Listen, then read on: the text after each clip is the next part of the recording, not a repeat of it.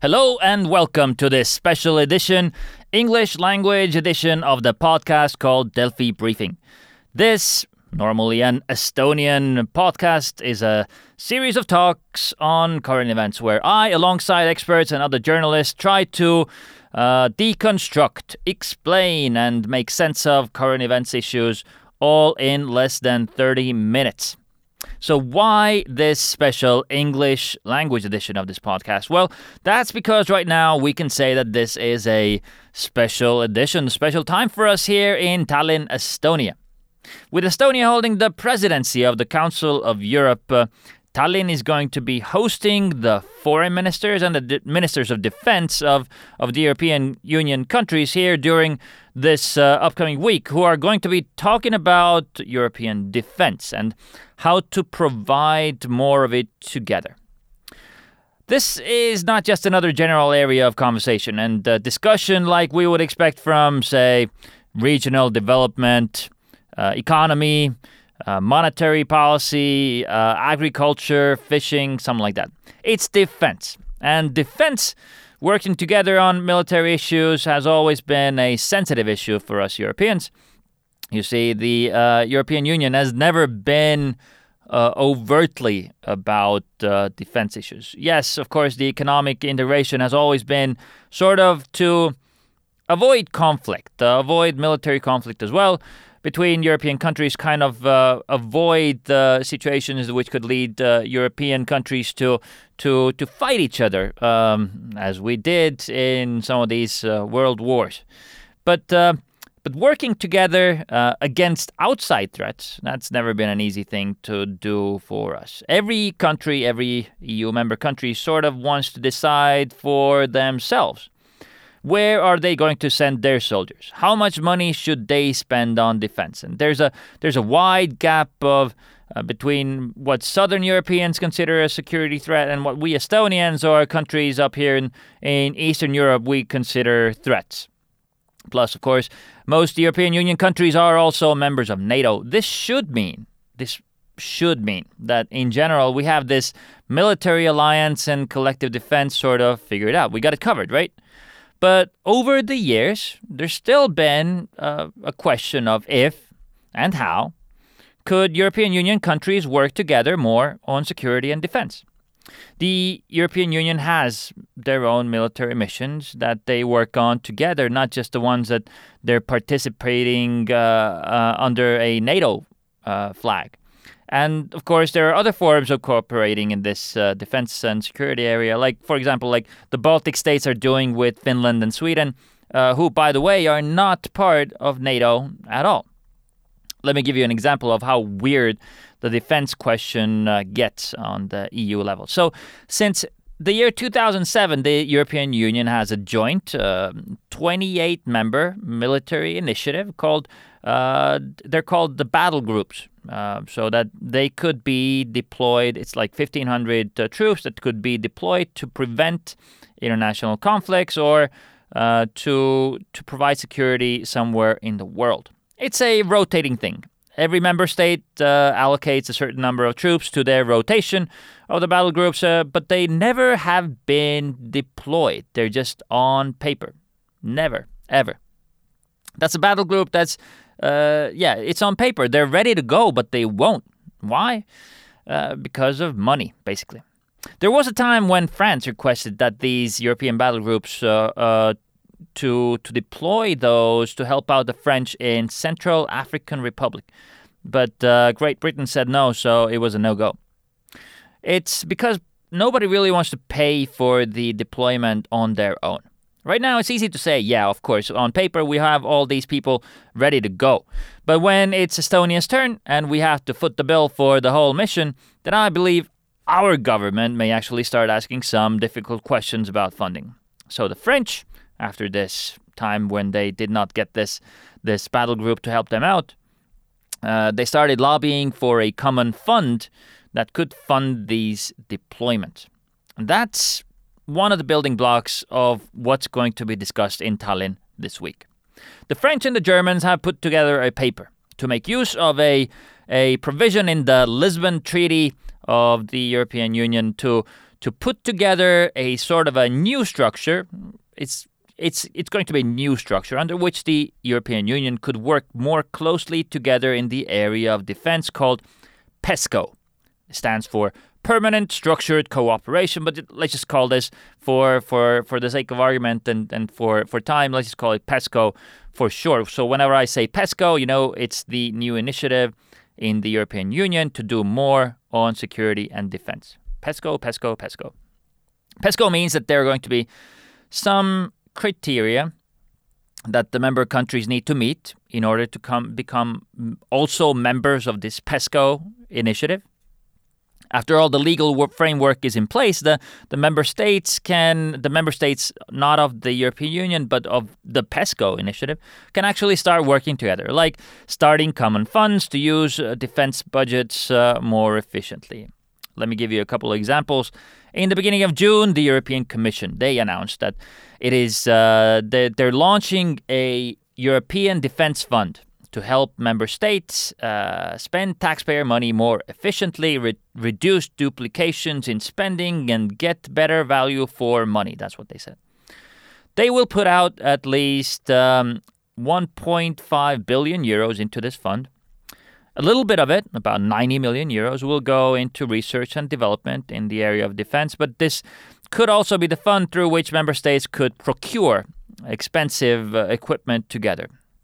This is the first time that the European Union budget will finance defense expenditures uh, from a from the EU budget, not member states themselves. If this works out well and the countries start contributing more money to this fund, it could reach 5.5 billion euros by year 2021.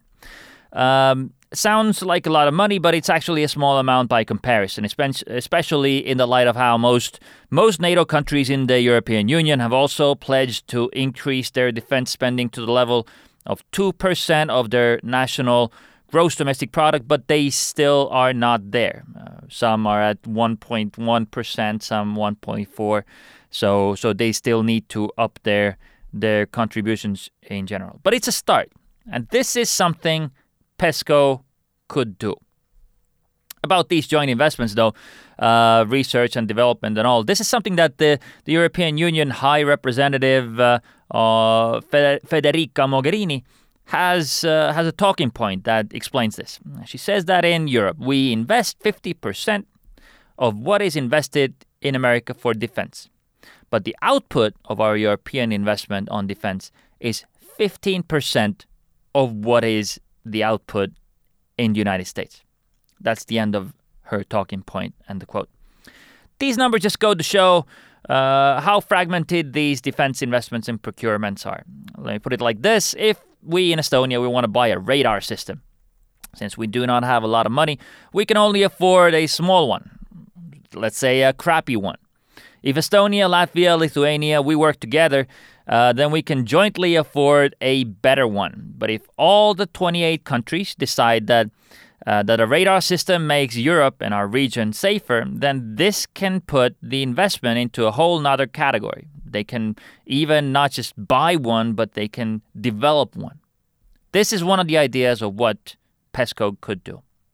Another example are the same battle groups that I uh, discussed earlier. How to create a common fund so that if these battle groups are really needed, then they can actually be deployed and somebody pays for them. Uh, the Undersecretary of the Estonian Ministry of Defense, Kristjan Prikk, I talked to him uh, just a little while ago. He said that uh, it's also under consideration to expand the time frame to uh, for these battle groups from six months uh, at a time to 12 months at a time. Uh, during which they should be ready to go. And making a schedule um, so far ahead so that countries would know six years in advance when it's going to be their turn. And this is something also that PESCO could help do. A third example, also thanks to Undersecretary Prikk, uh, would be to make sure military troops and equipment can be moved, uh, transported within Europe much easier than they are right now. Right now, every EU member country has their own regulations and also restrictions on how to transport tanks, armored vehicles, whether some equipment can even be allowed to enter the country. Uh, this also goes for munition and so on. This is just another thing that needs to be cleared. This needs to be discussed among the EU countries to put together the logistical routes for troops and equipment. And all of this is something that PESCO could make uh, easier. Let me try to make this even simpler. In the future, when the United Kingdom has left the European Union and may have probably not decided to join this PESCO initiative, but other EU countries and like minded countries have, there could be just six allies in NATO the US, Canada, the UK, Norway, Turkey, and PESCO countries. Something like that. So the idea of more cooperation within the European Union and the idea of a more European style of security will bring NATO's Secretary General Jens Stoltenberg to Tallinn this week as well. I had a chance to talk to him in Brussels on, on Friday to ask him, uh, along with other security issues uh, of the world, uh, uh all these questions that I had, uh, what he thinks of these uh, European Union initiatives, and specifically whether he thinks some of these initiatives could or would start competing with NATO. This is what he had to say. It has been clearly stated from many uh, uh, European leaders uh, that the aim of stronger European defense is not to uh, compete uh, with NATO, but it is to complement uh, NATO. And, um, and they also stated clearly that this is not about the European army. This is not about you know, establishing new structures, command structures, which are competing with or duplicating NATO. This is about complementing, complementing NATO. And, and as long as uh, this is the case, uh, then I uh, welcome very much a stronger European defense as a complement to NATO, not a, as an alternative to NATO. Uh, and then the important thing is to prevent any kind of uh, duplication of structures and, and so on. Um, because I believe that stronger European defense uh, uh, Uh, uh, will strengthen uh, Europe, the European Union, and NATO. Uh, and it has been expressed that this is about strengthening the European pillar within NATO. and the strong European defense, as long as it means more defense spending, more European capabilities, addressing the fragmented European defense industry, then it's good for Europe, the European Union, and NATO. And actually, NATO has called on European allies to invest more in defense, to do more, and to also coordinate their efforts in a, a better uh, uh, way. Uh, but, but there is no way the European Union can replace NATO as the provider of collective defense, of deterrence.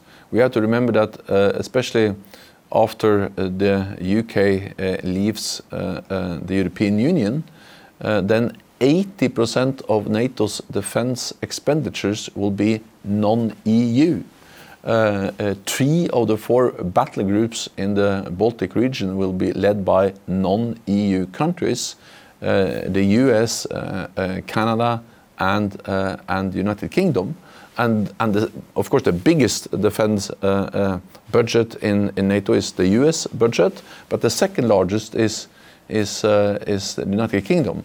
So European defense is very uh, important. European defense has to be strengthened, but not as an alternative to NATO, uh, but uh, uh as a European pillar uh, within NATO. There are different pillars uh, to defense and security anyway. So the member states themselves have their own defense, then there's the collective defense, and now another pillar is trying to is they they're trying to put into place as a European pillar of defense. So, um, am I getting this security mix a little in in this way right? That you know the member states they provide the troops, NATO is the sending uh, helping troops to to to secure other countries. Uh, and so on. And then this European initiative is, I don't know, purchasing radars or something like that. How how do you see this mix on the ground for, for actual security questions. How do you see the security mix going on? Well, I, I think that we have to be very uh, clear about what is European defense.